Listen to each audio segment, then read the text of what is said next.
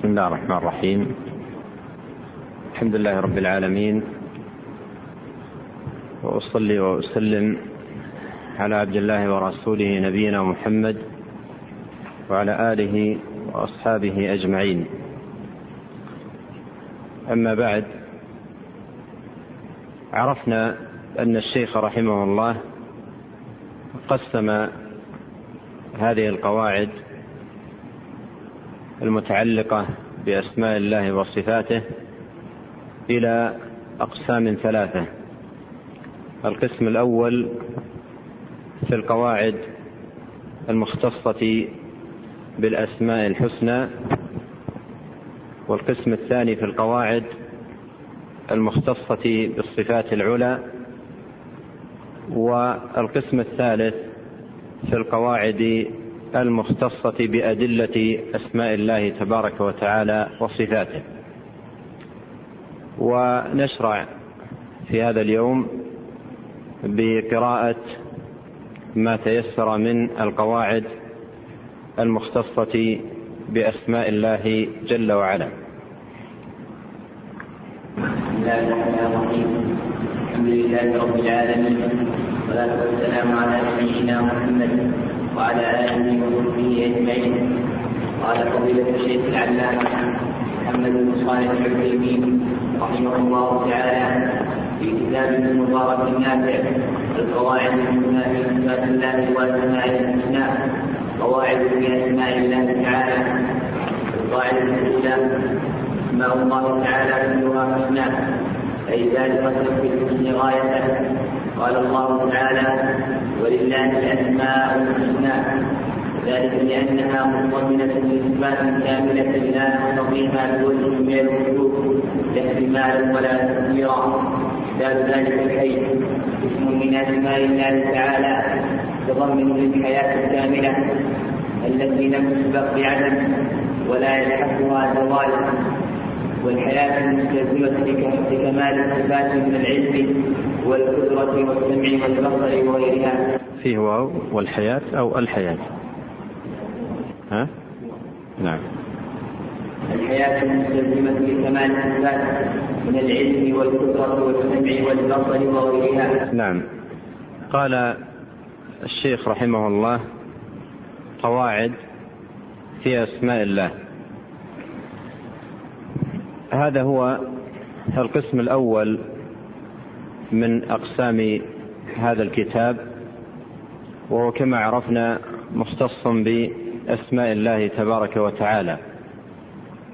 وقد أورد الشيخ تحته جملة من القواعد النافعة والأصول الكلية العظيمة التي من شأنها أن تضبط لطالب العلم فهم أسماء الله تبارك وتعالى فهما صحيحا بعيدا عن فهوم أهل الأهواء وأصحاب الفرق المنحرفة الذين أصلوا أصولا كلية لكنها مبنية على أسس عقلية زائفة. ولاحظ الفرق هنا بين القواعد التي يذكرها ويقررها أهل السنة والجماعة وبين وبين القواعد التي في كتب أهل الكلام الباطل. فقواعد أهل السنة قواعد أخذت بالاستقراء والتتبع لكتاب الله. وسنة نبيه صلى الله عليه وسلم. بينما قواعد أهل الكلام فإنها حصيلة أفهامهم القاصرة وعقولهم الضعيفة. وأصبحت مرجعا تعاد إليه النصوص. ولا يحتكم إلى النصوص فيها وإنما يحتكم إليها في فهم النصوص بينما قواعد أهل السنة والجماعة أخذها أهل العلم وأئمة السلف بتتبع واستقراء لأدلة كتاب الله العزيز وسنة نبيه الكريم صلوات الله وسلامه عليه. أول ما بدأ رحمه الله في ذكر قواعد الأسماء قال القاعدة الأولى أسماء الله تعالى كلها حسنى. هذه قاعدة. هذه قاعدة كلية في أسماء الله تبارك وتعالى. أنها كلها حسنى. أي موصوفة بهذا الوصف.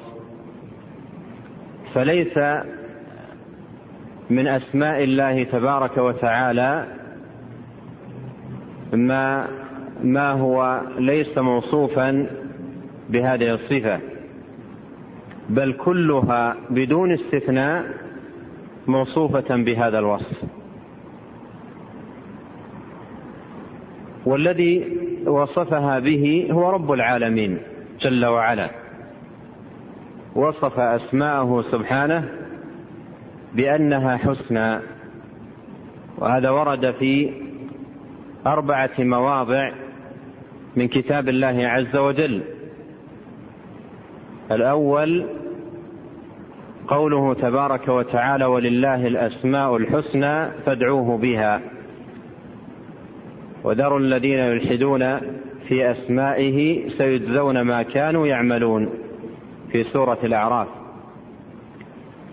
والثاني قول الله تبارك وتعالى قل ادعوا الله أو ادعوا الرحمن أيا ما تدعوا فله الأسماء الحسنى في سورة الإسراء. والموضع الثالث قول الله تعالى الله لا إله إلا هو له الأسماء الحسنى في أول سورة طه. والموضع الرابع هو آخر آية من سورة الحشر هو الله الخالق البارئ المصور له الأسماء الحسنى يسبح له ما في السماوات والأرض وهو العزيز الحكيم. فهذه أربعة مواضع في القرآن الكريم وصف فيها الله جل وعلا أسماءه بهذه الصفة العظيمة. الأسماء الحسنى. والحسنى صفة لأسماء الله تبارك وتعالى. فهي موصوفة بهذا الوصف منعوتة بها بهذا النعت. الأسماء الحسنى. والقاعدة قاعدة الباب التي تدل عليها هذه الآيات أن أسماء الله كلها بلا استثناء حسنى. ليس منها اسم إلا وهو موصوف بهذا الوصف. والحسن يدل على الكمال المطلق الذي لا نقص فيه بوجه من الوجوه وهذا شأن أسماء الله تبارك وتعالى كلها. بلغت أكمل الكمال في الحسن. ولهذا قال الشيخ رحمه الله في معنى ذلك قال أي بالغة في الحسن غايته. أي بالغة في الحسن غايته. هذا معنى وصف وصف أسماء الله تبارك وتعالى بأنها حسنى. أي بالغة في الحسن غايته. ولا يفهم من قوله بالغة في الحسن غايته أن لحسن أسماء الله نهاية. فليس هذا مرادا وإنما المراد بقوله رحمه الله بالغة في الحسن غايته أي كماله. ولهذا كثيرا ما يعبر في مواضع أخرى بكماله بالغة في الحسن كماله. أي بالغة بالغة في الحسن الكمال. وهو المراد بقوله هنا بالغة في الحسن غايته. أي كماله. هذا هو المراد. فأسماء الله تبارك وتعالى حسنى أي بلغت في الحسن كمال الحسن. فلا يتطرق إليها نقص. بأي وجه من الوجوه لا احتمالا ولا تقديرا على ما سيأتي بيانه. فهي كاملة لا نقص فيها بوجه من الوجوه. وأورد رحمه الله الدليل على ذلك وهو قول الله تعالى ولله الأسماء الحسنى واكتفى بذكر دليل واحد وقد عرفنا أن في القرآن أربعة مواضع وصف الله تبارك وتعالى فيها أسماءه بأنها حسنى.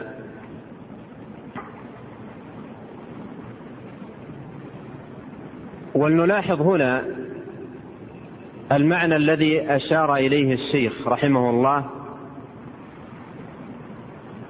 في للحسن الذي هو وصف أسماء الله. قال بالغة في الحسن غايته وعرفنا أن المراد أي كماله. ثم ذكر الدليل على ذلك. هنا لما تسمع هذا التوضيح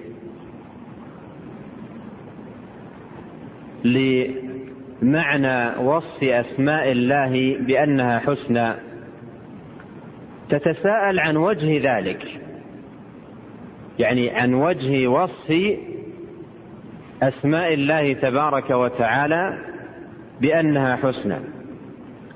فيأتيك الجواب بعد ذكر الدليل على وصفها بأنها حسنى ومعنى وصف الحسن فيها يأتي بيان وجه ذلك فيقول وذلك لأنها متضمنة لصفات كمال لا نقص فيها بوجه من الوجوه لا احتمالا ولا تقديرا.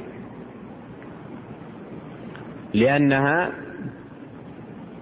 متضمنة لصفات كاملة.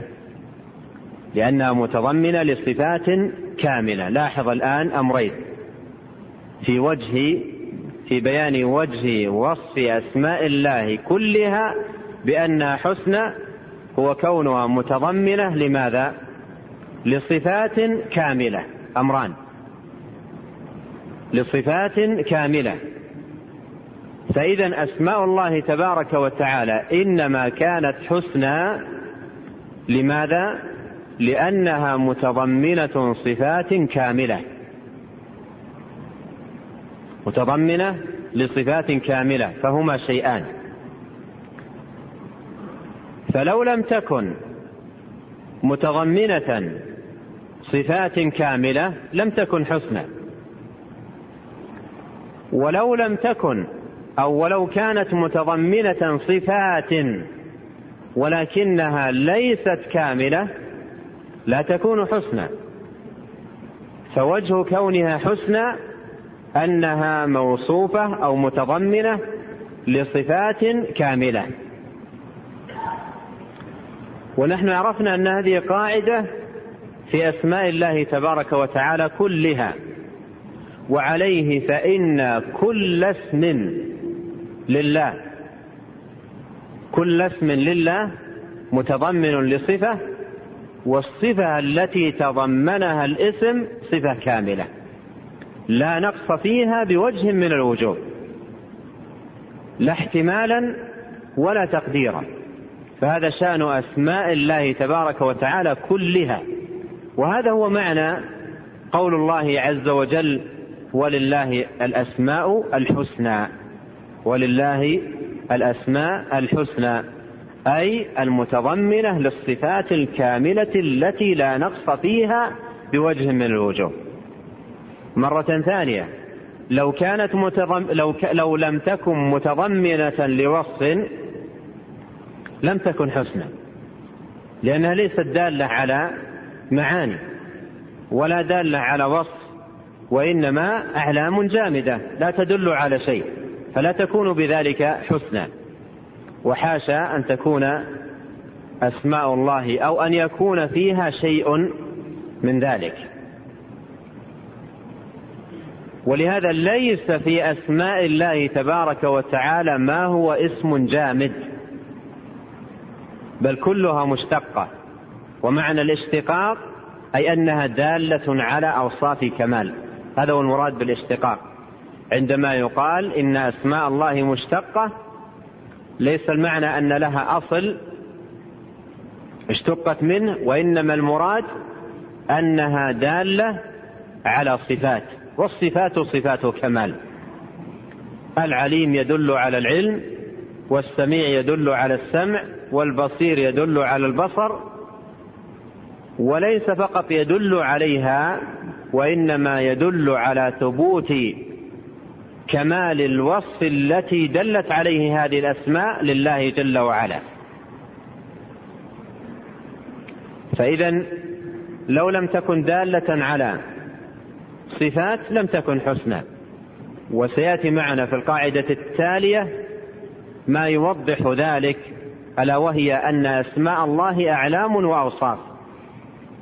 ليست أعلاما محضة جامدة وإنما هي أعلام وأوصاف.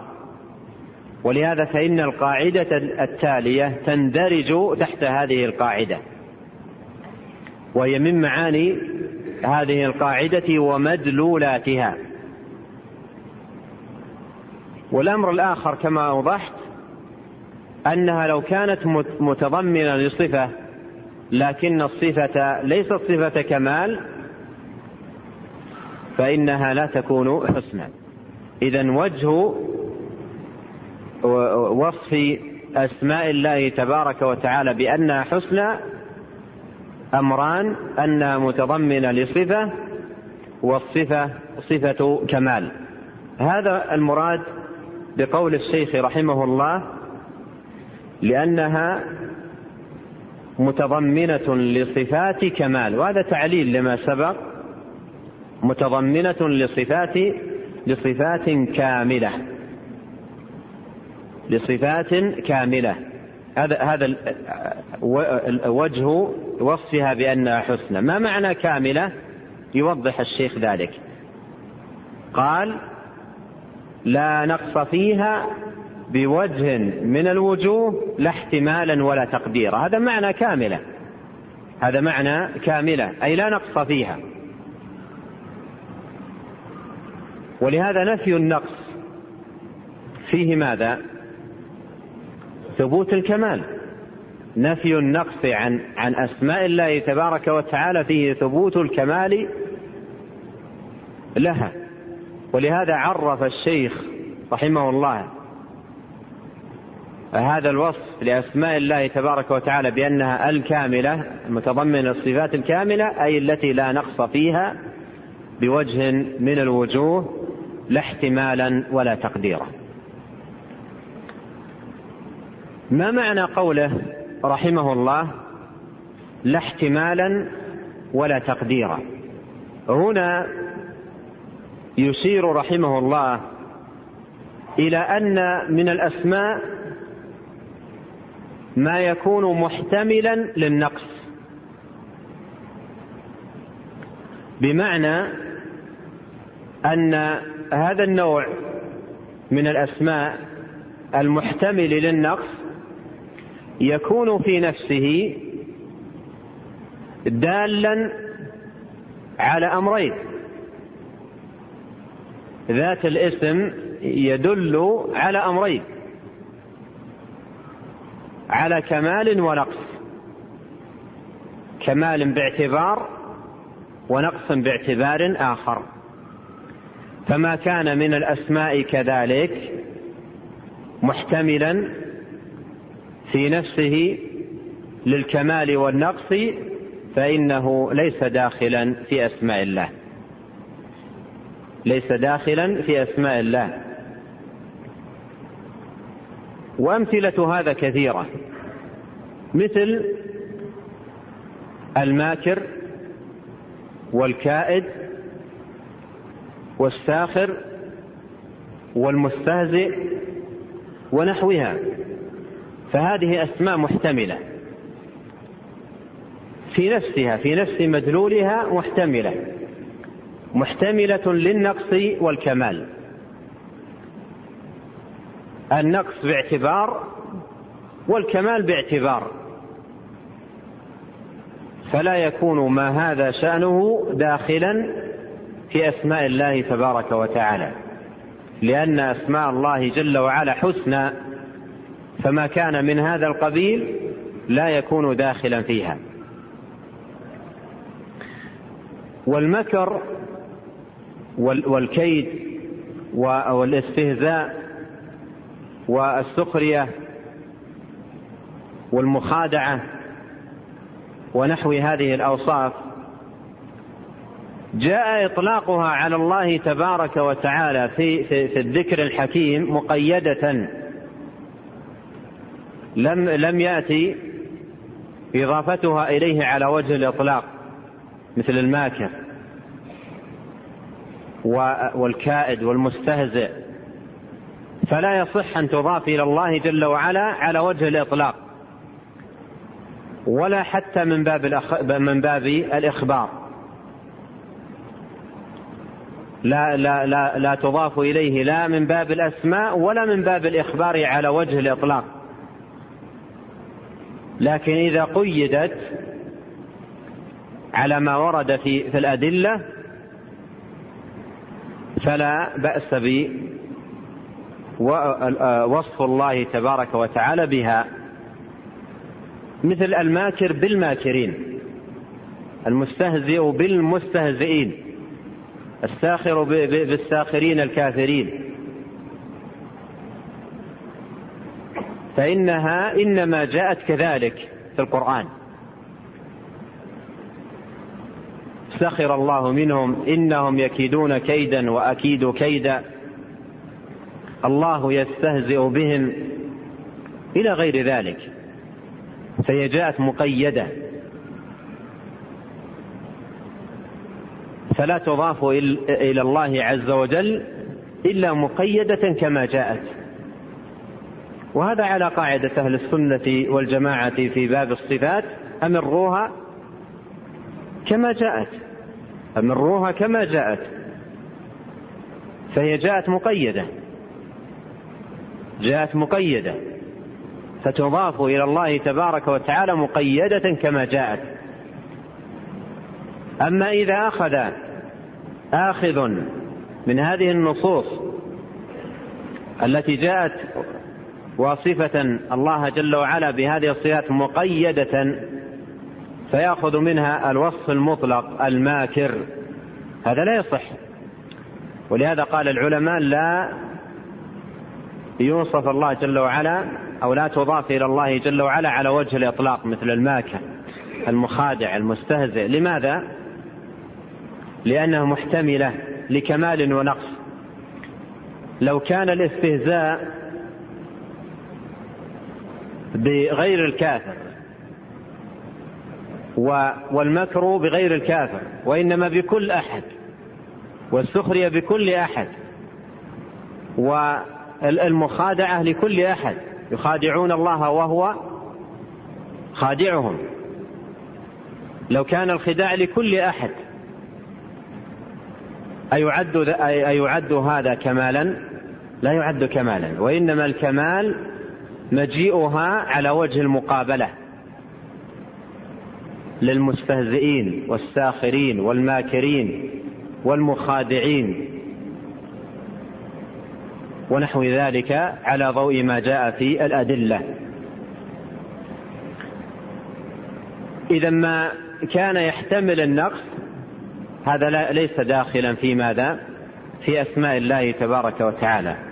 ليس داخلا في أسماء الله تبارك وتعالى. والأمر الآخر ما كان يحتمل النقص من جهة التقدير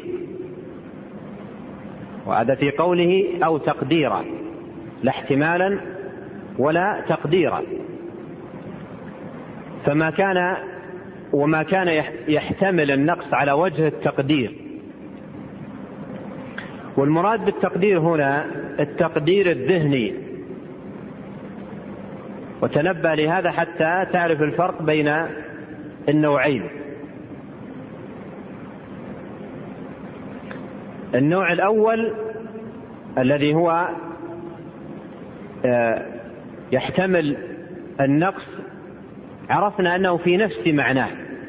يحتمل النقص في في نفس معناه من جهة أن اللفظ يحتمل. ولهذا جاء في النصوص ولهذا جاء في النصوص أو ولهذا لم يأتي في النصوص في النصوص مطلقا وإنما جاء مقيدا فلم يثبت لله تبارك وتعالى المعنى الناقص في هذا الاسم أو في هذا الوصف وإنما أثبت له تبارك وتعالى المعنى الكامل الذي هو على وجه التقييد بمن يستحق ذلك. فهذا احتمالا. أما تقديرا فهو نوع آخر وهو التقدير الذهني. يعني أن يكون اللفظ في ذاته دال على الكمال. اللفظ في ذاته دال على الكمال. لكنه يدل على النقص من جهة التقدير الذهني أو من جهة المتعلق. مثل المتكلم والمريد والفاعل ونحو هذه الأسماء. فهذه الأسماء من حيث هي دالة على الكمال. ليست محتملة للنقص في ذاتها كما هو في النوع الأول وإنما هي آه، ألفاظ دالة على الكمال. لكن لما كان لما كانت هذه الألفاظ تحتمل من من من من حيث التقدير الذهني لمتعلقها ومدلولها تحتمل الكمال والنقص لم تدخل في أسماء الله. لم تدخل في أسماء الله. ولهذا ليس في أسمائه جل وعلا المتكلم والمريد والفاعل ونحوها. لأن الكلام قد يكون طيبا وقد يكون ليس كذلك. والفعل قد يكون طيبا وقد يكون ليس كذلك. وهكذا قل في باقي هذه الأسماء. فإذا من جهة هي من جهة مدلولها أو أو أو من جهة ألفاظها دالة على الكمال. لكن من جهة التقدير الذهني للمتعلق فيحتمل هذا وهذا ولأجل هذا الاحتمال لم تدخل في أسماء الله لأن أسماء الله عز وجل كلها حسنى أي كاملة في الحسن أي دالة على صفات كاملة لا نقص فيها بوجه من الوجوه. الأسماء التي تحتمل النقص والأسماء التي أيضا تحتمل نقص من جهة التقدير الذهني هذه كلها ليست داخلة في أسماء الله ومن باب أولى الأسماء الدالة على ماذا؟ النقص. فإن باب أولى لا تدخل في أسماء الله. إذا ما الذي يدخل في أسماء الله؟ الذي يدخل في أسماء الله الأسماء الكاملة التي لا نقص فيها بوجه من الوجوه. وعلى ضوء ما سبق فإن القسمة في الأسماء رباعية. القسمة في الأسماء رباعية وقد عرفنا الأربعة أقسام وعرفنا أنه لا يدخل منها في أسماء الله تبارك وتعالى إلا قسم واحد وهو ماذا؟ ما كان دالا على الكمال الذي لا يتطرقه أي نقص بوجه من الوجوه وهذا من من عظمة أسماء الله تبارك وتعالى وأنها جميعها بلا استثناء كاملة في الحسن متضمنة لصفات الكمال ونعوت الجلال لله رب العالمين. ثم شرع الشيخ رحمه الله في ذكر الأمثلة لهذه القاعدة. وكما يقال بالمثال يتضح المقال. والشيخ رحمه الله ذكر ثلاثة أمثلة. ولاحظ هنا الطريقة البديعة في التعليم في هذه القواعد.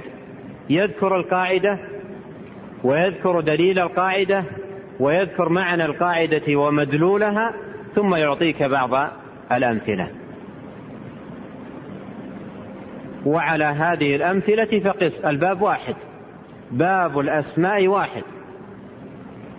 فإذا عرفت القاعدة وعرفت بعض أمثلتها قل فيما هو مما لم يذكر هنا من أسماء الله تبارك وتعالى مثل ما قيل فيما ذكر هنا في توضيح القاعدة. المثال الأول قال مثال ذلك الحي. وهذا من أسماء الله الحسنى وقد ورد في القرآن في مواضع. منها آية الكرسي الله لا إله إلا هو الحي القيوم. فالحي اسم من أسماء الله. من باب التوضيح أقول هل هذا الاسم ليس دالا على وصف ثابت لله؟ ابدا. هو هو دال على وصف ثم سؤال آخر هل هذا الاسم الذي دل على وصف ثابت لله أدل على وصف ليس بكامل حاشا وكلا الحي اسم من أسماء الله الحسنى دال على ثبوت صفة كمال لله لا نقص فيها بوجه من الوجوه. ما هي؟ صفة الحياة. فالحي دال على ثبوت الحياة الكاملة لله تبارك وتعالى التي لا نقص فيها بوجه من الوجوه. ويوضح لك الشيخ شيئا من هذا الكمال. لهذه الصفة التي دل عليها هذا الاسم يقول الحي اسم من أسماء الله تعالى متضمن للحياة الكاملة أي دال على ثبوت صفة الحياة لله. وما الحياة التي دل على ثبوتها؟ قال الحياة الكاملة. التي لم تسبق بعدم ولا يلحقها زوال الحياة المستلزمة لكمال الصفات من العلم والقدرة والسمع والبصر وغيرها. فهذه صفة الحياة التي دل عليها اسمه تبارك وتعالى الحي. التي دل عليها اسمه الحي. فهو دل على ثبوت صفة الحياة الحياة الكاملة التي لا نقص فيها. حياة ليست مسبوقة بعدم ولا ملحوقة بفناء. وتوكل على الحي الذي لا يموت. الحي الذي لا يموت. فهذا شأن حياة الله تبارك وتعالى. أما حياة المخلوق ما شأنها؟ المخلوق موصوف بالحياة لكنها حياة ناقصة. مسبوقة بعدم هل أتى على الإنسان حين من الدهر لم يكن شيئا مذكورا؟ ويلحقها الفناء كل من عليها فان ويبقى وجه ربك ذو الجلال والإكرام فيلحقها الموت.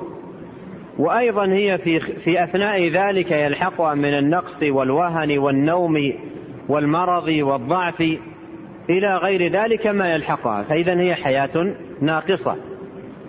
أما حياة الله تبارك وتعالى فهي الحياة الكاملة. فهذا المثال الأول من أمثلة هذه القاعدة. نعم. ثم قال نعم في نفس المثال قال الحياة المستلزمة. وهذه قاعدة في في في في باب الصفات سيأتي الكلام عليها ألا وهي أن دلالة الأسماء تكون بالمطابقة والتضمن واللزوم.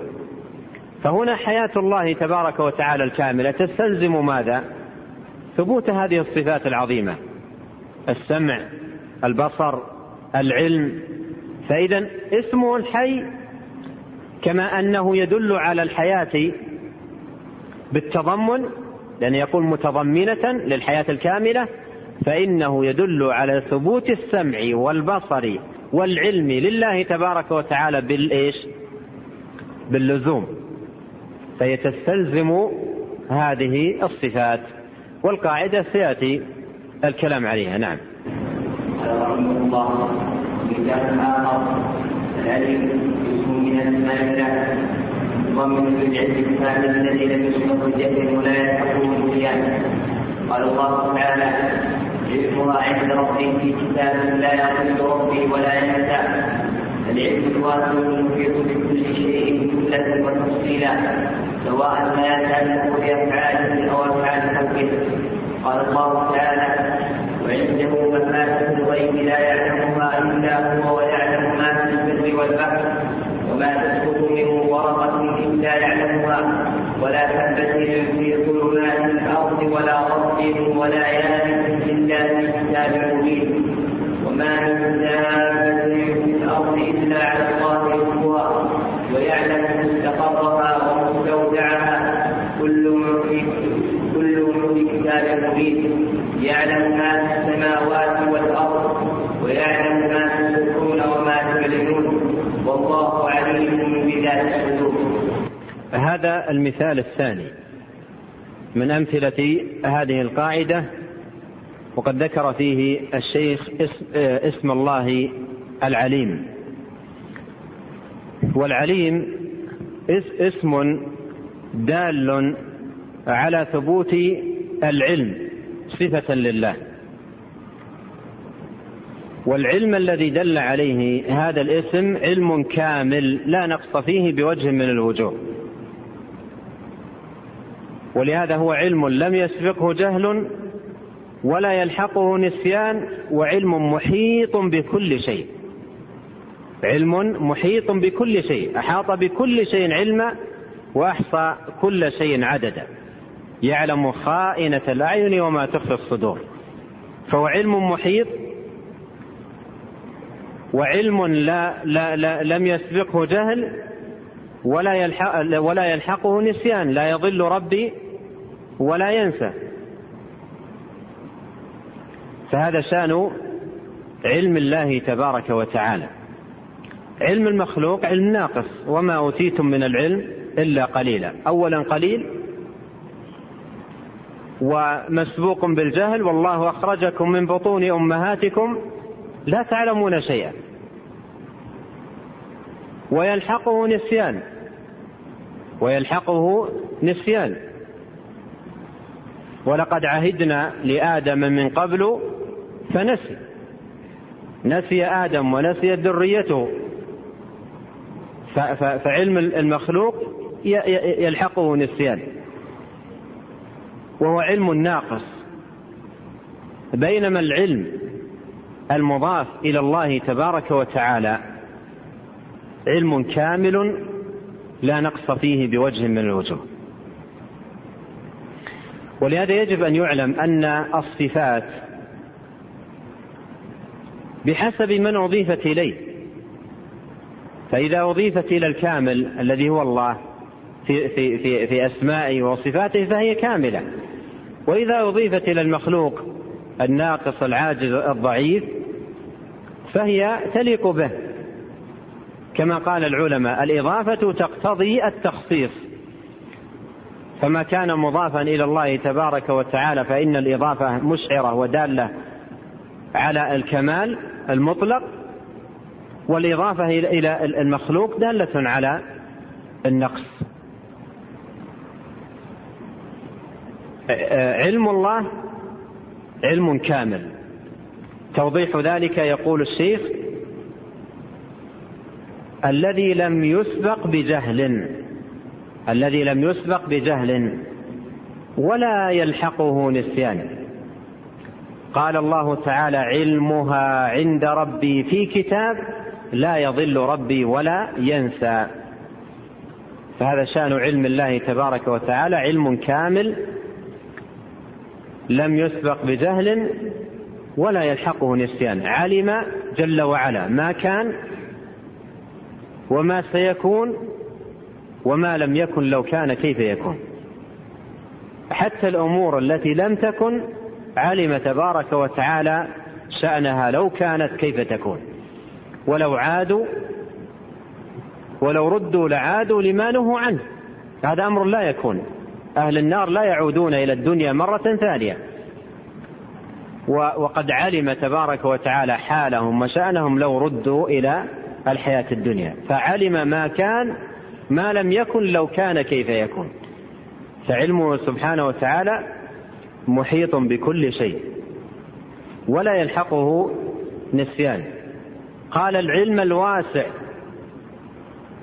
المحيط بكل شيء بكل شيء جملة وتفصيلا سواء ما يتعلق بأفعاله أو أفعال خلقه.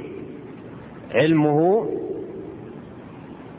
أحاط بكل شيء سواء في أفعاله تبارك وتعالى الخلق والرزق والإحياء والإماتة والتدبير وغير ذلك أحاط علمه بهذا كله وأيضا أحاط علمه تبارك وتعالى بأفعال خلقه.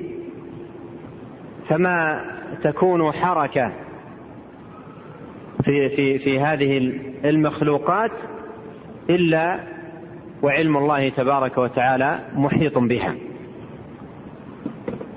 أحاط بكل شيء علما وأحصى كل شيء عددا. وكيف لا يكون علمه محيط علمه محيطا بالمخلوقات وهو خالقها؟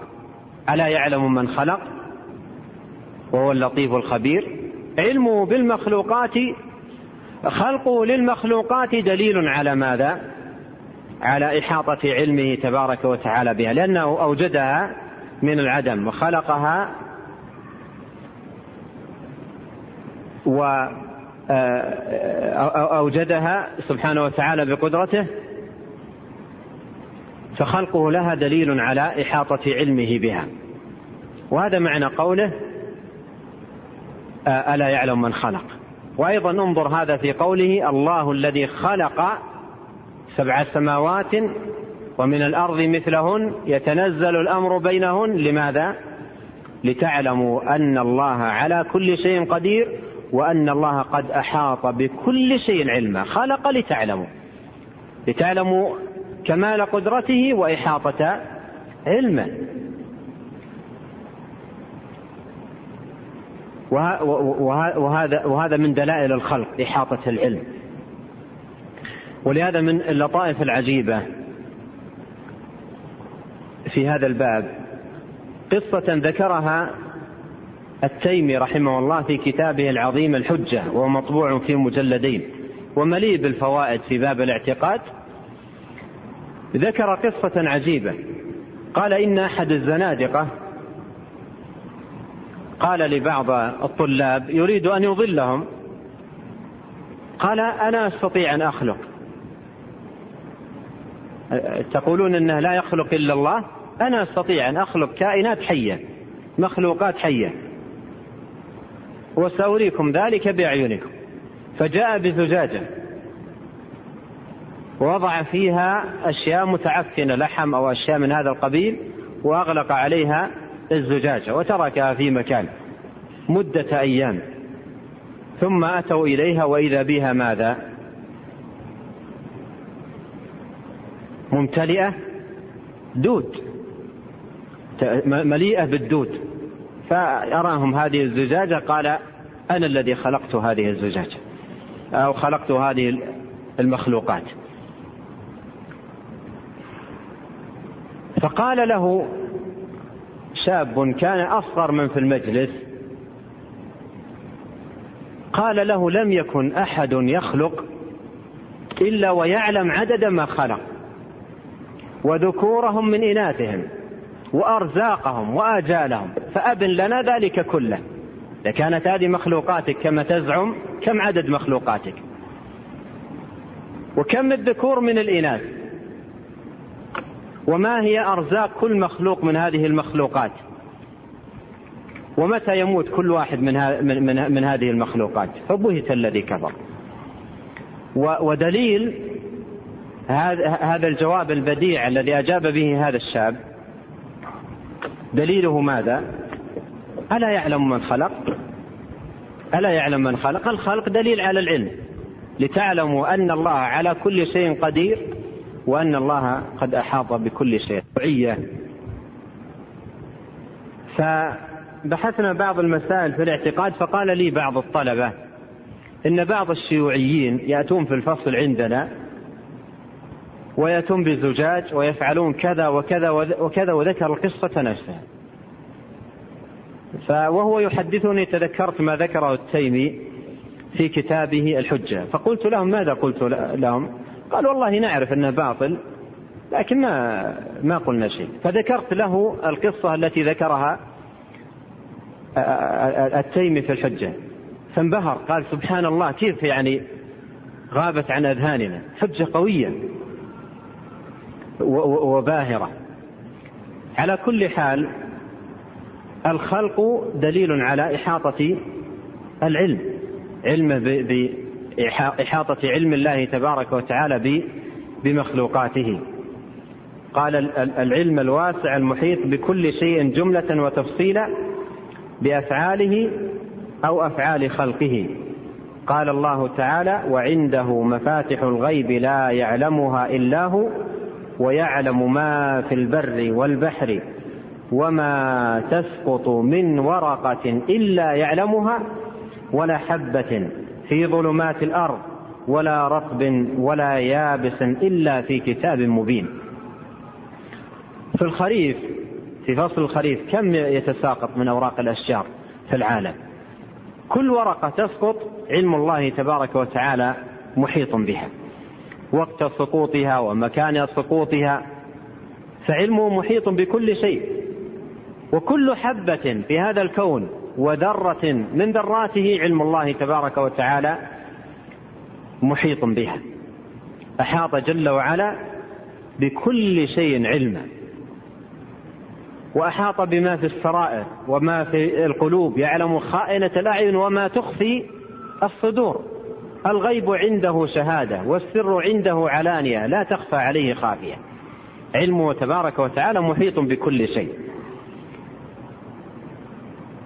ولا رطب ولا يابس إلا في كتاب مبين. وما من دابة في الأرض إلا على الله رزقها ويعلم مستقرها ومستودعها كل في كتاب مبين. يعلم ما في السماوات والأرض ويعلم ما تسرون وما تعلنون والله عليم بذات الصدور. فهذا اسمه تبارك وتعالى العليم. اسمه تبارك وتعالى العليم دال على العلم الكامل المحيط بكل شيء. مثال آخر ذكره الشيخ لكنني أذكر قبله مثالا وهو اسم الله تبارك وتعالى البصير. على أي شيء يدل؟ البصير. على ثبوت البصر. لله جل وعلا. إذا قرأت وهو السميع البصير فآمن بثبوت البصر صفة لله على وجه الكمال. بصر كامل لا نقص فيه بوجه من الوجوه وبصره تبارك وتعالى نافذ. يرى جميع المخلوقات وجميع الكائنات. يرى سبحانه وتعالى من فوق سبع سماوات دبيب النملة السوداء على الصخرة الصماء في الليلة الظلماء ويرى جريان الدم في عروقها ويرى كل جزء من أجزائها. من فوق سبع سماوات. بينما بصر المخلوق لو, لو, لو جئت عند صخرة صماء في ليلة ظلماء وتمشي فوقها نملة سوداء واقتربت من النملة. أتراها؟ ما تراها. الرب العظيم والخالق الجليل يراها من فوق سبع سماوات جل وعلا ويرى جريان الدم في عروقها ويرى كل جزء من أجزائها. وهو تبارك وتعالى سميع واسمه السميع دال على ثبوت السمع صفة له جل وعلا فهو يسمع جميع الأصوات على تفنن الحاجات. واختلاف المطالب. تبارك الله رب العالمين. لو أن الخلق كلهم من زمن آدم إنسهم وجنهم قاموا في لحظة واحدة في صعيد واحد وتكلموا في لحظة واحدة كل بلغته وكل بحاجته لسمع الجميع. دون أن يختلط عليه صوت بصوت ولا لغة بلغة ولا حاجة بحاجة. وأنت إذا تكلم عندك إثنان بلغة واحدة تسكت أحدهما حتى تفهم الآخر. فالله عز وجل وسع سمعه الأصوات كما قالت أم المؤمنين عائشة رضي الله عنها في قصة المجادلة التي أتت تجادل النبي صلى الله عليه وسلم في زوجها وتشتكي إلى الله. وكانت عائشة في نفس الدار تسمع بعض الكلام ويغيب عنها أكثره وبمجرد انتهاء المرأة من مجادلتها نزل قول الله تعالى قد سمع الله قول التي تجادلك في زوجها وتشتكي إلى الله والله يسمع تحاوركما. إن الله سميع بصير. قالت عائشة رضي الله عنها سبحان الذي وسع سمعه الأصوات. ومثال ثالث ذكره الشيخ نعم.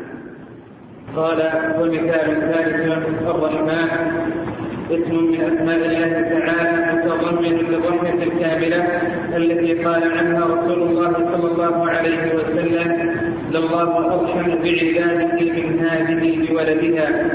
يعني أم صبي وجدته في السبيل فأخذته وأنفقته ببطنها وأرضعته. ثم ذكر هذا المثال من أسماء الله اسمه الرحمن. وهذا ورد في مواضع عديدة في القرآن الكريم. وهو اسم جليل دال على ثبوت الرحمة لله تبارك وتعالى الرحمة الكاملة التي لا نقص فيها بوجه من الوجوه. قال متضمن للرحمه الكاملة. التي قال عنها رسول الله صلى الله عليه وسلم لله أرحم بعباده من هذه بولدها.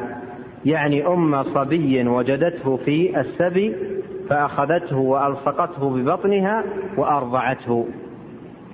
كانت في غاية الشوق واللهف لرؤية ولدها.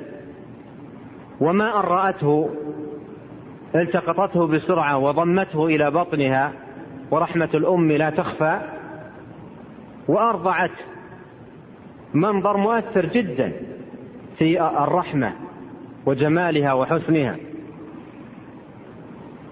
فلما شاهد من شاهد هذا المنظر قال عليه الصلاة والسلام أترون هذه ملقية وليدها في النار؟ وهي قادرة على عدم إلقائه؟ أيمكن؟ تأخذ بوليدها وترميه في النار قالوا ما يمكن. إذا كانت ليس إذا كانت قادرة ما يمكن. قال الله أرحم بعباده من هذه بوليدها. فهذا فيه رحمة الله جل وعلا الكاملة التي دل عليها اسمه الرحمن. الرحمن أي المت... هذا الاسم المتضمن ثبوت الرحمة الكاملة لله تبارك وتعالى التي لا نقص فيها بوجه من الوجوه. قال أيضا الرحمة الواسعة هي كاملة وواسعة. الواسعة التي قال عنها قال الله عنها ورحمتي وسعت كل شيء. وقال عن دعاء الملائكة للمؤمنين ربنا وسعت كل شيء رحمة وعلما. فمن فمن الإيمان باسمه الرحمن الإيمان بهذا الاسم العظيم آه الذي هو بهذا الوصف العظيم الذي هو الرحمة الكاملة لله تبارك وتعالى التي لا نقص فيها بوجه من الوجوه. نعم. ومتضمنا أيضا للرحمه الواسعة التي قال الله عنها ورحمتي وسعت كل شيء وقال عن دعاء الملائكه للمؤمنين ربنا وسعت كل شيء رحمة وعلما والحكم في أسماء الله تعالى يكون باعتبار كل اسم على انفراده ويكون باعتبار جمعه إلى غيره فيحصل بجمع الاسم إلى الآخر كمالا فوق كمال. نعم. مثال ذلك العزيز الحكيم فإن الله تعالى يجمع بينهما في القرآن كثيرا. فيكون كل منهما دالا على الكمال الخاص الذي يبتغي وهو العزة في العزيز والحكم والحكمة في الحكيم. والجمع بينهما دال على كمال آخر وهو أن عزته تعالى مقرونة بالحكمة فعزته لا تقتضي ظلما وجورا وسوء فعل كما قد يكون من أعزاء المخلوقين. فإن العزيز منهم قد تأخذه العزة بالإثم فيظلم ويجور ويسيء في ويسيء التصرف. وكذلك حكم وكذلك حكمه تعالى وحكمته مقرونان بالعز الكامل بخلاف حكم المخلوق وحكمته فإنهما يعتريهما الذنب. ثم ختم الشيخ رحمه الله هذه القاعدة ببيان فائدة عظيمة تتعلق بدلالات أسماء الله تبارك وتعالى على صفات الكمال. يقول إذا عرفت أن أسماء الله الحسنى كل واحد منها دال على ثبوت صفة كمال عظيمة لله تبارك وتعالى فإن يعني هذا وجه في الحسن ووجه آخر عندما يضم الاسم إلى غيره فهذا يدل على كمال فوق كمال. يقول رحمه الله والحسن في أسمائه تعالى يكون باعتبار كل اسم على انفراده. الحسن في أسماء الله باعتبار كل اسم على انفراده العليم العلم الحكيم الحكمة أو الحكم العزيز العزة القوي القوة. باعتبار كل اسم على انفراده يدل على ماذا؟ على ثبوت صفة الكمال التي دل عليها الاسم. ويكون باعتبار جمعه إلى غيره. يعني إذا ضم الاسم إلى اسم آخر من أسماء الله تبارك وتعالى فإن هذا الجمع والضم يدل على كمال فوق كمال. فيحصل بجمع الاسم إلى آخر كمال فوق كمال ومثل على ذلك بالعزيز الحكيم العزيز الحكيم اسمان كثيرا ما يأتي ذكرهما في القرآن مقترنين. الحكيم مضموما إلى العزيز. العزيز يدل على ثبوت العزة الكاملة لله. والحكيم يدل على ثبوت الحكم والحكمة الكامل والكاملة لله تبارك وتعالى. وإذا ضممت الاسمين العزيز الحكيم دل على كمال فوق كمال. أرشد إليه هذا هذا الضم والجمع. ما هو؟ أن عزته تبارك وتعالى عن حكمة وأيضا حكمه وحكمته عن عزة. ويبين الشيخ رحمه الله ذلك. يقول فيكون كل منهما دالا على الكمال الخاص الذي يقتضيه وهو العزة في العزيز والحكم والحكمة في الحكيم كما هو الشأن في مجيئه مفردا. والجمع بينهما دال على كمال آخر وهو أن عزته تعالى مقرونة بالحكمة فعزته لا تقتضي ظلما وجورا وسوء فعل كما قد يكون من أعزاء المخلوقين. إذا وجدت عزة بلا حكمة وجد الظلم وجد البطش وجد الجور وجد سوء الأفعال وجد أذية الناس. إذا وجدت عزة بلا حكمة. وإذا وجدت حكمة بلا عزة. يكون معها الذل والضعف وعدم القدرة. ولهذا يقول رحمه الله كما قد يكون من أعزاء المخلوقين فإن العزيز منهم قد تأخذه العزة بالإثم فيظلم ويجور ويسيء التصرف. وكذلك حكمته تعالى وحكمه مقرونان بالعز الكامل بخلاف حكم المخلوق وحكمته فإنهما يعتريهما الذل. إذا انضم الحكيم إلى العزيز دل على كمال فوق كمال. وأمر آخر أيضا يعني يناسب ذكر ذكره في هذا الباب أن من الحسن في أسماء الله تبارك وتعالى أن منها ما هو دال على أكثر من من صفة. عند آه، آه، آه، ما هو دال على أكثر من صفة مثل العظيم والسيد والمجيد والحميد ونحو هذه الأسماء فإن هذه الأسماء دالة على أكثر من صفة. مثل ما قال ابن عباس رضي الله عنهما في معنى اسم الله الصمد وأيضا دال على أكثر من صفة قال أي السيد الكامل في سدته في سدده العظيم الكامل في عظمته الحليم الكامل في حلمه وذكر صفات كثيرة.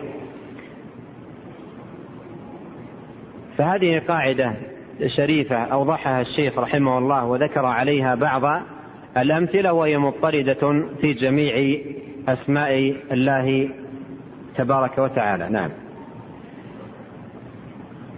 القاعدة الثانية أسماء الله تعالى أعلام الله أعلام باعتبار دلالة باعتبار دلالتها على الذات وأوصاف باعتبار ما دلت عليه من المعاني وهي باعتبار الأول لدلالتها على مسمى واحد وهو الله عز وجل وباعتبار الثاني متباينة لدلالة كل واحد منهما على معنى الخاص فالحي العليم القدير السميع البصير الرحمن الرحيم العزيز الحكيم كلها أسماء لمسمى واحد وهو الله سبحانه وتعالى. لكن معنى الحي غير معنى العليم ومعنى العليم غير معنى القدير وهكذا هذه القاعدة الثانية من قواعد الأسماء الحسنى ألا وهي أن أسماء الله تبارك وتعالى أعلام وأوصاف. أعلام وأوصاف.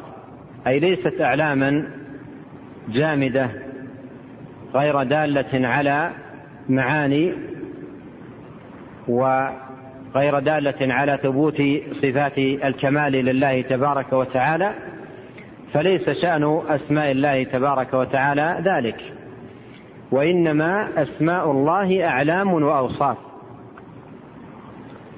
وهذا كما سبق وجه كونها حسنى ولهذا فإن هذه القاعدة مندرجة تحت القاعدة السابقة وفرع عنها. أعلام وأوصاف. أعلام باعتبار دلالتها على الذات. وأوصاف باعتبار دلالتها على المعاني. أعلام باعتبار دلالتها على الذات وأوصاف باعتبار دلالتها على المعاني. تأمل معي في جملة من أسماء الله. الملك القدوس السلام المؤمن المهيمن العزيز الجبار المتكبر. هذه أسماء حسنى لله تبارك وتعالى جاءت على التوالي في آخر سورة الحشر. هذه الأسماء التي سمعتها هل هي أعلام أو أوصاف؟ أعلام وأوصاف. هذه الأسماء أعلام وأوصاف. الملك القدوس السلام المؤمن المهيمن العزيز الجبار المتكبر فهي أعلام وأوصاف. أعلام من جهة أن كل واحد منه منها دال على الذات وأوصاف من جهة أن كل واحد منها دال على ثبوت صفة كمال لله. الملك الملك.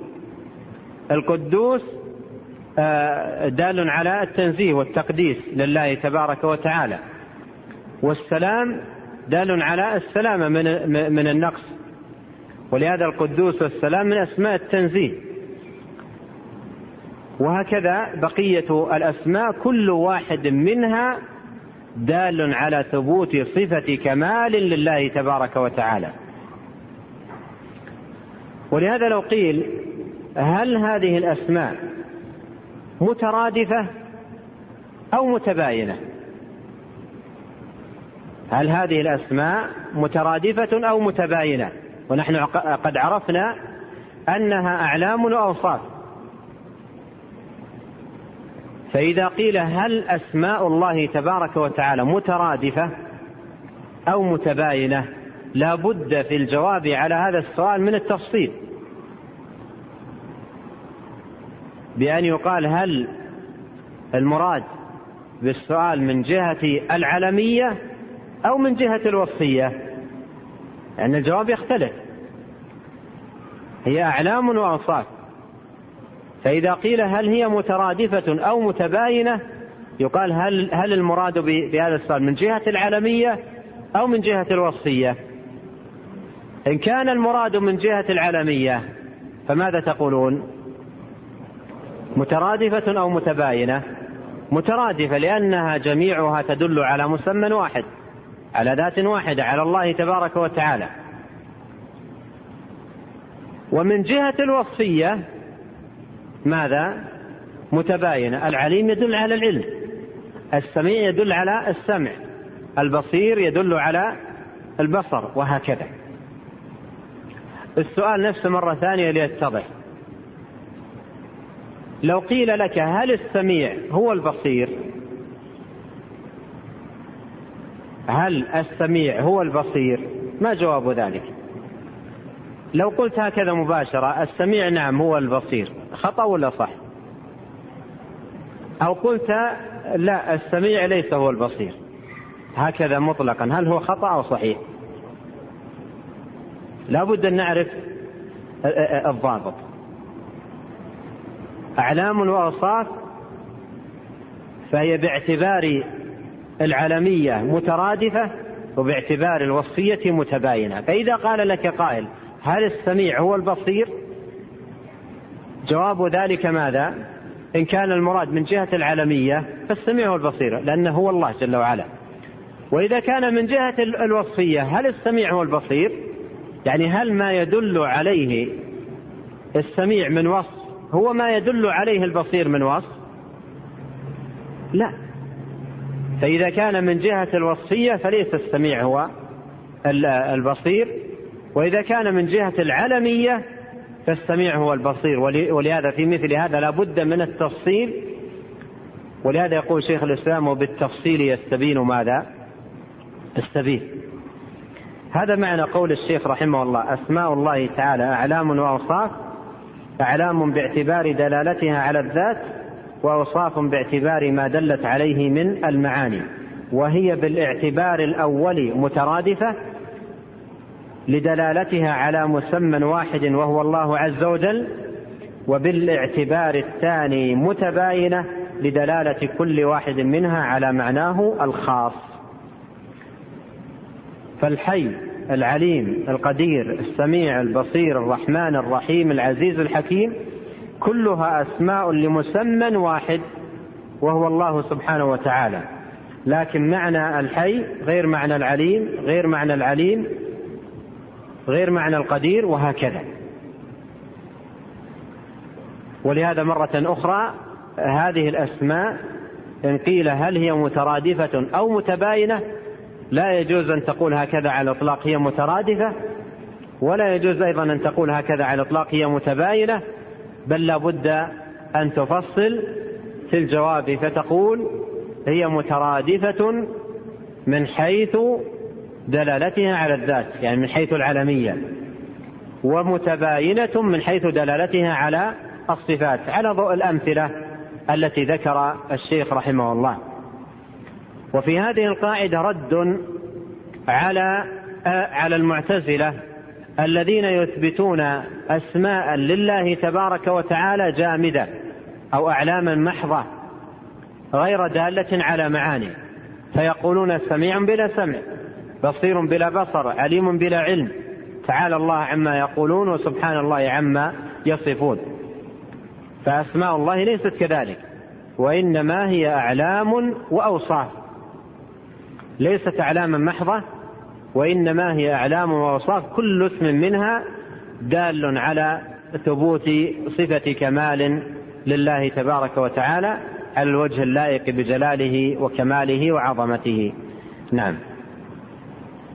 وإنما قلنا بأنها أعلام وأوقات لدلالة القرآن عليه كما في قوله تعالى وهو الغفور الرحيم وقوله وربك الغفور ذو الرحمة فإن الآية الثانية دلت على أن الرحيم هو المتصف بالرحمة والإجماع من اللغة والعرف أنه لا يقال عليم عليم إلا لمن له علم ولا سميع إلا لمن له سمع ولا بصير إلا لمن له بصر وهذا أمر أكثر من أن يفسد بلا دليل. هذا ذكر لدليل القاعدة. الشيخ هنا يذكر دليل القاعدة. فإذا قيل ما الدليل على أن أسماء الله أعلام وأوصاف. ما الدليل على أن أسماء الله أعلام وأوصاف؟ قال إنما قلنا بأنها أعلام وأوصاف لدلالة القرآن عليه. القرآن دل على أنها أعلام وأوصاف. وجه دلالة القرآن قال كما في قوله تعالى وهو الغفور الرحيم الرحيم هذا علم دال على الرب العظيم. ولهذا الرحيم هو الله جل وعلا. فهو علم دال على على الله جل وعلا.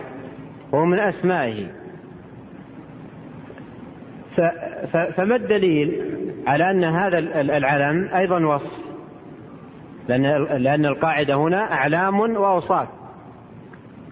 فعرفنا بقوله آه، نعم بقوله وهو الغفور الرحيم أن الرحيم علم دال على آه، على الله جل وعلا وهو من أسمائه سبحانه وتعالى. فما الدليل على أنه وصف؟ لأن القاعدة أن أسماء الله أعلام وأوصاف ذكر عقب ذلك قوله وربك الغفور ذو الرحمة وربك الغفور ذو الرحمة. هناك هو الغفور رحيم وهنا وربك الغفور ذو الرحمة. إذا الرحيم بمجموع هاتين الآيتين فيه دلالة على ثبوت الرحمة وصفا له.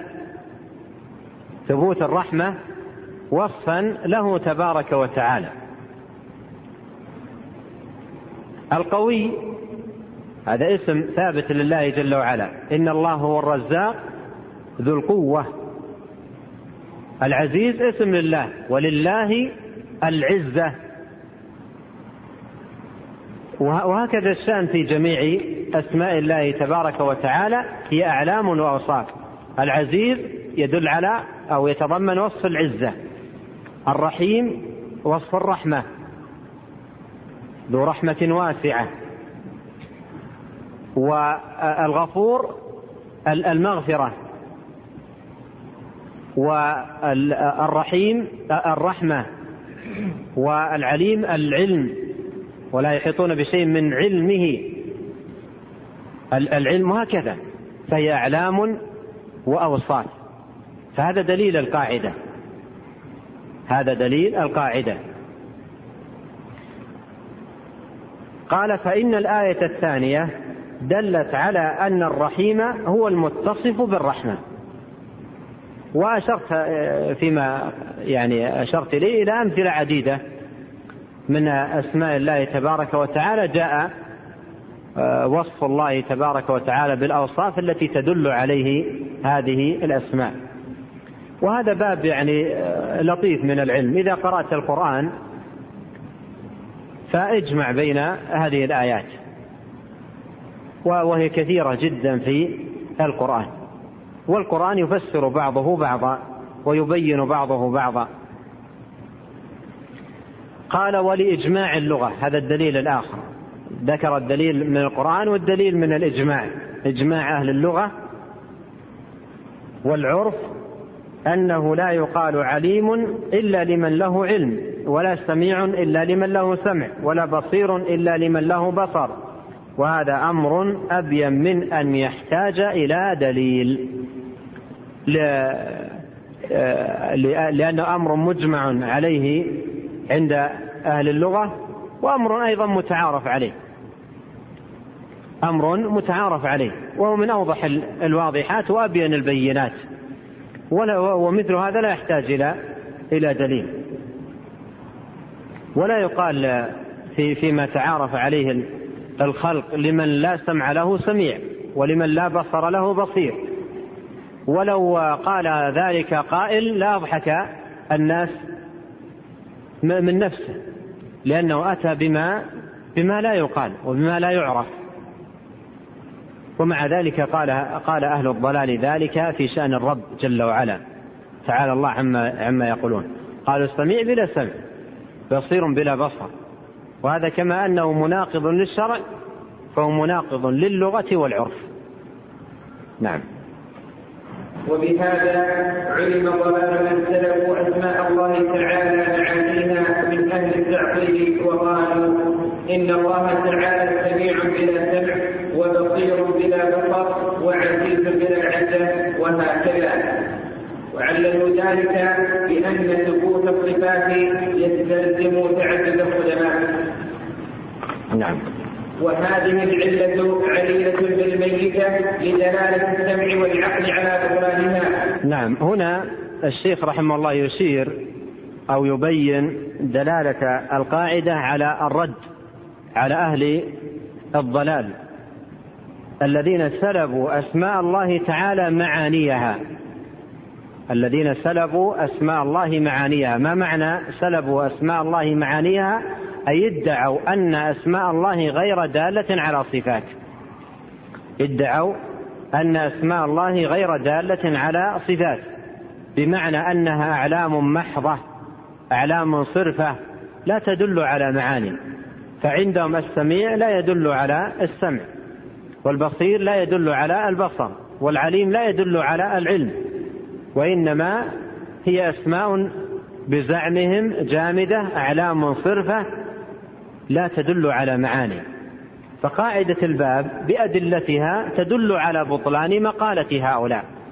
لأن شواهد الكتاب والسنة ودلالة الإجماع والعرف تدل على بطلان مقالة هؤلاء. الذين سلبوا أسماء الله معانيها والسلب هو النفي سلبوا أسماء الله معانيها أي نفوا عنها دلالتها على المعاني التي هي الصفات. من أهل التعطيل والتعطيل هو النفي والجحد وعدم الإثبات. والشيخ رحمه الله يريد المعتزلة الذين يثبتون لله أسماء بلا صفات. أسماء بلا صفات سميع بلا سمع بصير بلا بصر إلى آخر ما يقوله هؤلاء المعطلون وقالوا لاحظ تعليل هؤلاء لسلب معاني أسماء الله تبارك وتعالى الصفات التي دلت عليه أو سلب أسماء الله تعالى الصفات التي دلت عليه يعللون ذلك بماذا؟ بقولهم إن الله تعالى سميع بلا نعم سميع بلا سمع بصير بلا بصر عليم بلا علم عزيز بلا عزة وهكذا وعللوا ذلك بأن ثبوت الصفات يستلزم تعدد القدماء يعني الآلهة المراد به, به, بالقدماء الآلهة وأخص صفات الإله عندهم القدم. فيقولون لو أثبتنا لأسمائه صفات للزم من ذلك تعدد القدماء أي تعدد الآلهة. هذا يقوله المعتزلة. والجهمية الذين ينفون الأسماء عن الله تبارك وتعالى يقول لو أثبتنا الأسماء للزم من ذلك تعدد القدماء. فالشبهة واحدة لكن الجهمية ينفون بها الأسماء والمعتزلة ينفون بها ماذا؟ الصفات. ولهذا يقول الجهم شيخ طريقة هؤلاء يقول لو أثبت لله تسعة وتسعين اسما لأثبت تسعة وتسعين إلها. فهو ما يثبت.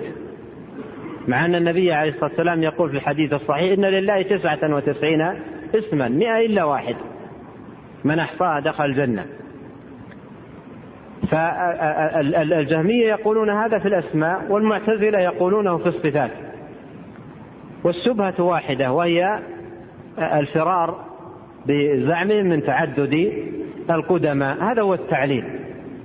والشيخ رحمه الله بعد أن ذكر تعليل هؤلاء أجاب عنه. قال وهذه العلة عليلة. ما معنى عليلة؟ أي سقيمة مريضة. علة عليلة. بل بل ميتة.